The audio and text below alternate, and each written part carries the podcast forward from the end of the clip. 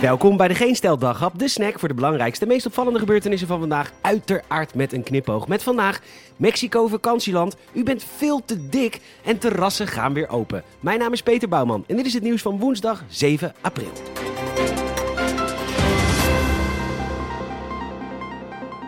Mexico vakantieland. Tenminste, zo hebben ze zich gepositioneerd sinds de pandemie. Of zoals de Mexicaanse Jaap van Dissel Hugo López Catel Ramirez zegt... Mensen reizen niet als ze ziek zijn. Geen spel tussen te krijgen natuurlijk. En het legt het land geen windeieren. In 2020 stond Mexico op plaats 3 in de lijst met meest bezochte landen, achter Frankrijk en, wat was het daar toch gezellig op wintersport, Italië. Wereldwijd daalde het aantal vluchten met 74%, in Mexico met maar 44%, dat meldt HLN. Meer dan 5 miljoen Amerikanen, 1 miljoen Canadezen, 116.000 Fransen, 103.000 Britten, 100.000 Spanjaarden, 48.000 Duitsers, 45.000 Italianen en 0 Nederlanders. Want wij zijn echt het perfecte volkje. Wij doen nooit iets fout en we houden ons altijd aan de regels, want zo zijn we. Enfin, het beleid weegt dan wel weer zwaar op de bevolking. Want per miljoen mensen sterven er inmiddels meer mensen in Mexico dan in gidsland voor scheid hebben aan alles Brazilië. Bovendien waart daar de gevaarlijke P1 coronavariant rijkelijk rond. En die toeristen nemen dat natuurlijk allemaal lekker mee naar huis. Maar goed, als het maar gezellig is, hè Frits Bom? Vakantieman, gezellig hè? Mexico, Mexico.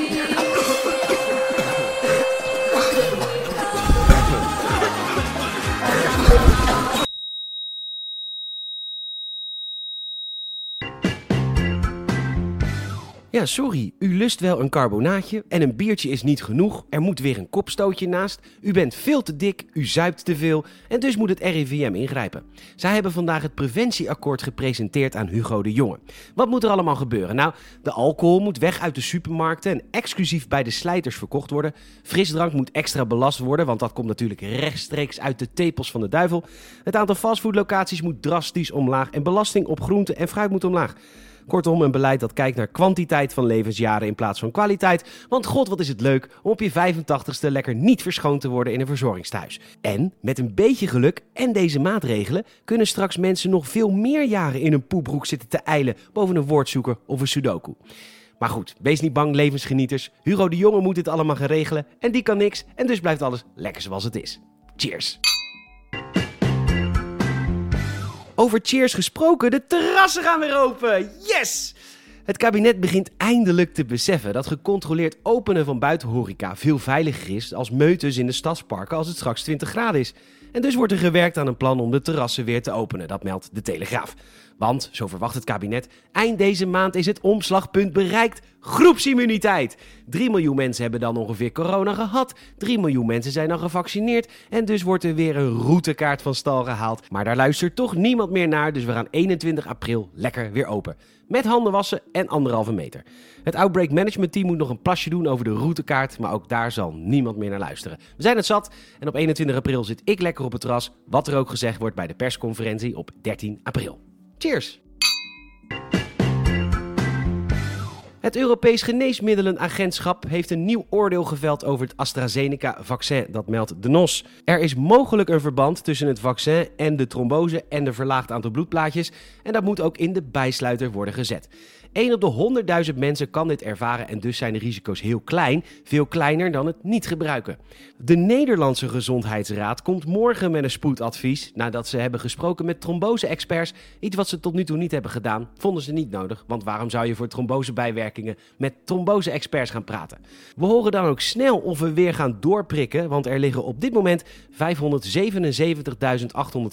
vaccins op voorraad en er gaan mensen dood.